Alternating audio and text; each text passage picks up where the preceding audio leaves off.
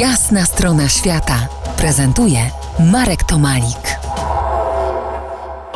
Dziś moje rozważania o telepatii wśród aborygenów, o tak zwanych message'ach, od tak zwanych przodków totemicznych.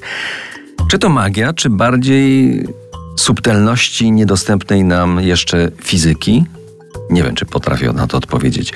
Otóż przodka totemicznego można sobie nie tylko wysłuchać, można dzięki niemu także, a może przede wszystkim nadawać.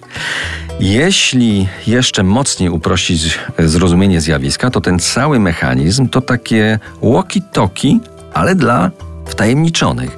Co więcej, ci najbardziej wtajemniczeni i najsilniej świadomi zdają się rozumieć psychologiczne działania medium, które oparte jest nie tyle na realnym, na przykład ptaku, kruku, co na jego manifestacji w umyśle. To może być na przykład kogut, który pojawia się w podwórkowym stadzie drobiu, ale jest tylko widoczny, czyli manifestuje się tylko temu, komu niesie wiadomość.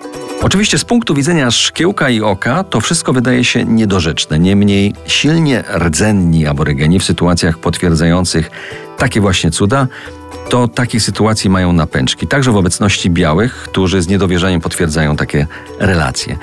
I zdarza się, że inni niewtajemniczeni też widzą emanację przodka totemicznego i jest on dla nich stworem jak najbardziej realnym. Oczywiście nie zdając sobie sprawy, że to przodek totemiczny.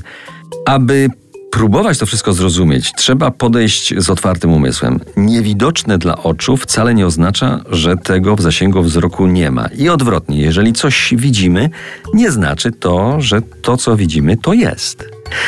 Podczas gdy jedni będą upatrywać w tym jedynie pole do spekulacji, inni się nad tym pochylą i zastanowią, pozostaję przy tych drugich. Za kilkanaście minut powrócę do tych rozważań. Zostańcie z nami po jasnej stronie świata.